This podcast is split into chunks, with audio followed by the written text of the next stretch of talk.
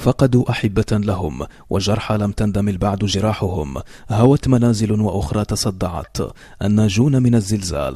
وجدوا أنفسهم أمام واقع لا يقل مرارة عما عاشوه في الثامن من سبتمبر. الخيمة صارت سكنا لهم. برودة لا تحتمل. أمراض منتشرة. واختلالات مسجلة. كنسجلوا باستغراب اختلالات على مستوى الإحصاء والتعويضات غياب المعايير. أيضا نسجلوا بأنه الناس باقين دابا في القياطن وفي الأكواخ كيعانيوا الأوضاع مزرية.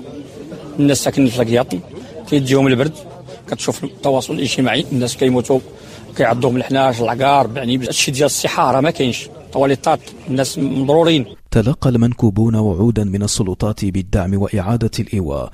مضت خمسة أشهر على الكارثة والمطلب واحد.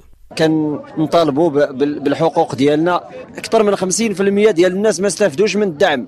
كاينين الناس الله الله يحسن العوان ما مستفدين لا من الدعم المباشر ديال 2500 درهم لا من الدعم ديال المنازل المنهارة والمنهارة جزئيا.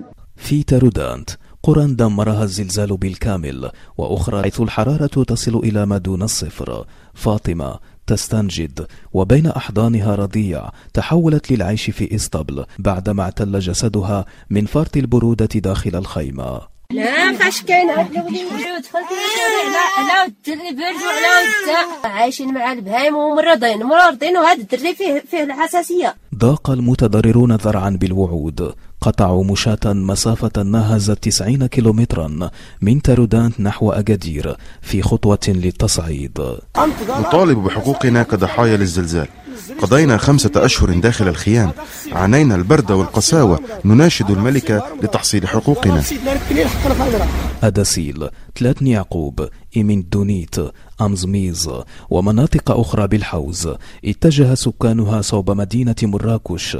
محتجين مطالبين بالإنصاف.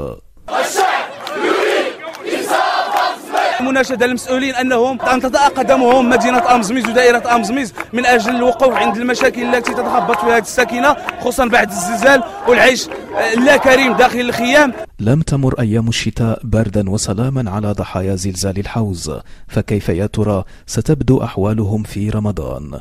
والصائفة القادمة رشيد بن زكور جنوب غرب المغرب مونتي كارلو الدوليه